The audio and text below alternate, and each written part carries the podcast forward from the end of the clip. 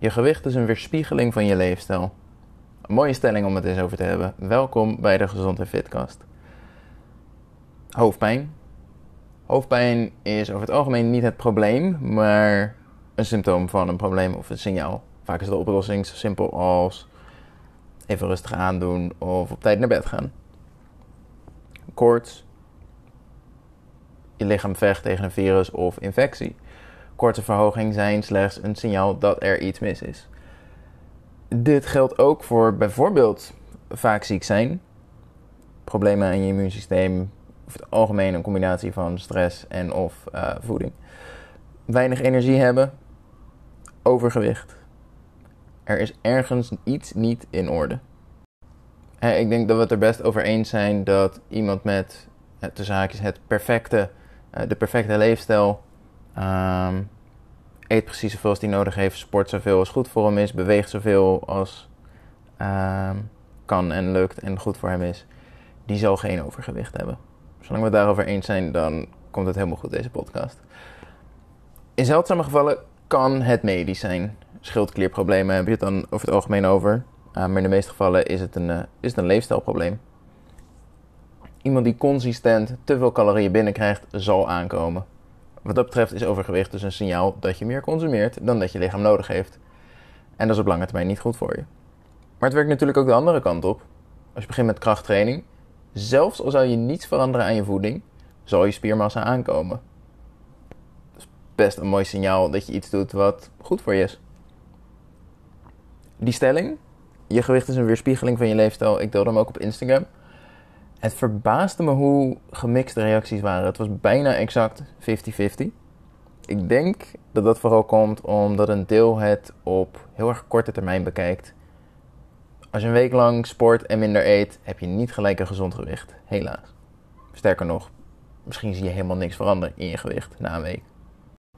Maar een leefstijl is ook wel wat anders dan een paar weken iets uitproberen.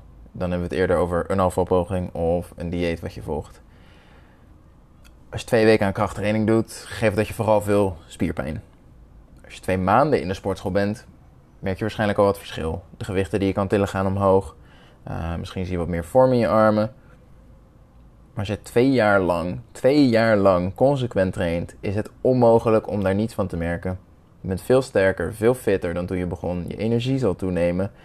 En je hebt een flinke hoeveelheid spiermassa erbij.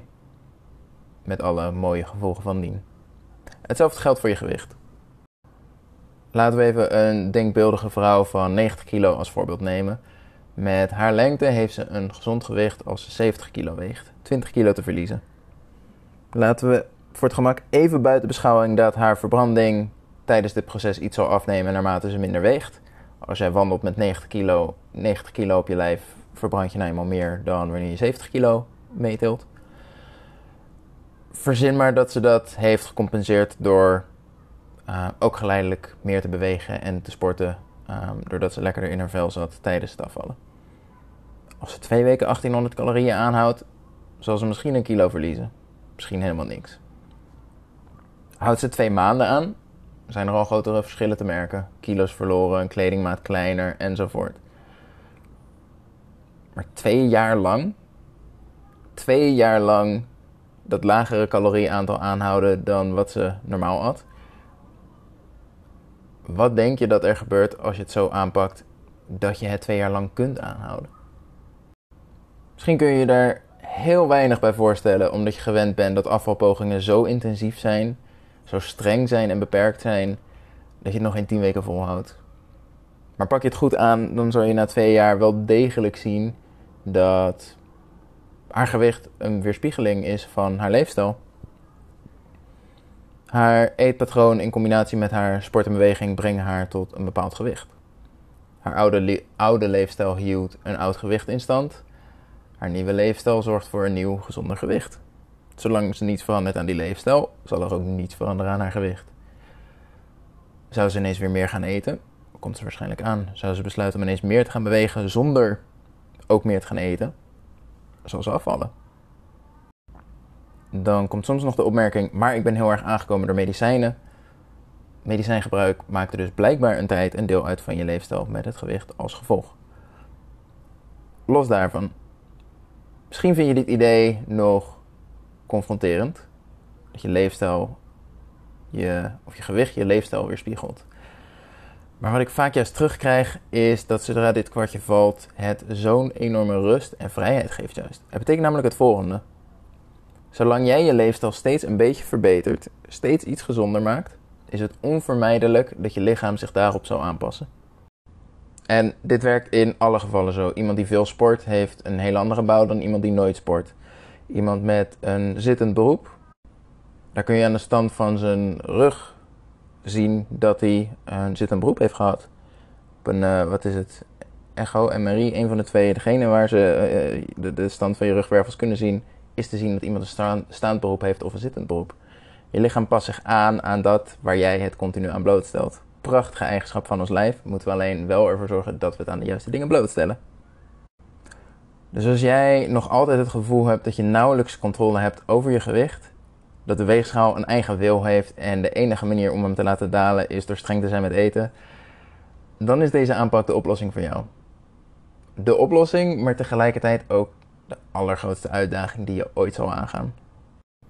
Want je bent gewend om te kiezen voor streng, zo snel mogelijk en altijd meer. Alleen als ik streng ben, val ik af. Het moet zo snel mogelijk gebeuren, want ik hou het niet heel lang vol. En alles meer doen is beter. Meer bewegen, meer sporten. En in dit geval um, meer een calorietekort, minder eten. Minder eten is goed. In plaats van iedere dag een beetje beter dan gisteren. Dat zolang je iedere week kunt terugkijken en zeggen: deze week was naar omstandigheden beter dan vorige week. Dan is het goed genoeg. Het vereist dat je alles of niets mentaliteit confronteert en niet langer accepteert. Van besef je het volgende, en dit zei mijn therapeut ooit tegen mij toen ik daar was voor eh, de behandeling van een eh, depressie en angststoornis. Voor je gevoel is het dankzij die mentaliteit dat je probleem niet nog erger is geworden. Maar wat nu als het die mentaliteit is die het hele probleem juist in stand houdt? Wat nou als het niet zo is dat jij dankzij je alles of niets mentaliteit niet nog veel zwaarder bent? Maar dat door je alles of niets mentaliteit zo is dat je zo zwaar bent. In mijn geval ging het erover hoe ontzettend streng en hard ik voor mezelf was. Eigenlijk niet zo heel anders dan die alles of niets mentaliteit, behalve dat ik nooit ruimte gaf voor het stukje niet. Dat je zegt niet lekker in je vel te zitten is misschien wel een signaal dat je nog altijd erg hard voor jezelf bent. Iets om over na te denken. Alles waar je ontevreden over bent op dit moment, waar zijn het signalen van? Waar zijn ze een weerspiegeling van? Ben je ontevreden in je huwelijk? Misschien een signaal dat je te weinig opkomt voor wat jij wil en wat jij belangrijk vindt. Niet blij met je gewicht? Zeer waarschijnlijk een signaal dat je leefstand niet aansluit bij het leven en lichaam dat je graag zou willen. Je leefstijl past niet bij je identiteit of de identiteit die je graag wil. Aflevering 5 van deze podcast ging erover, dus die kan je terugluisteren als je dat heel interessant vindt. Volgens mij heb je genoeg om over na te denken en mee aan de slag te gaan. Dus tot slot nog een belangrijke aankondiging. Heel eerlijk, een aankondiging van een aankondiging. Maar goed, komende week heb ik een grote aankondiging in mijn mail en op Instagram. Ik zal je alvast verklappen, daar doe ik nog een schepje bovenop voor jou als podcastluisteraar. Wat dat betekent, verklap ik nog niet. Maar dat hoor je dus tijdens de volgende aflevering, dus uh, hou hem in de gaten. Hoi.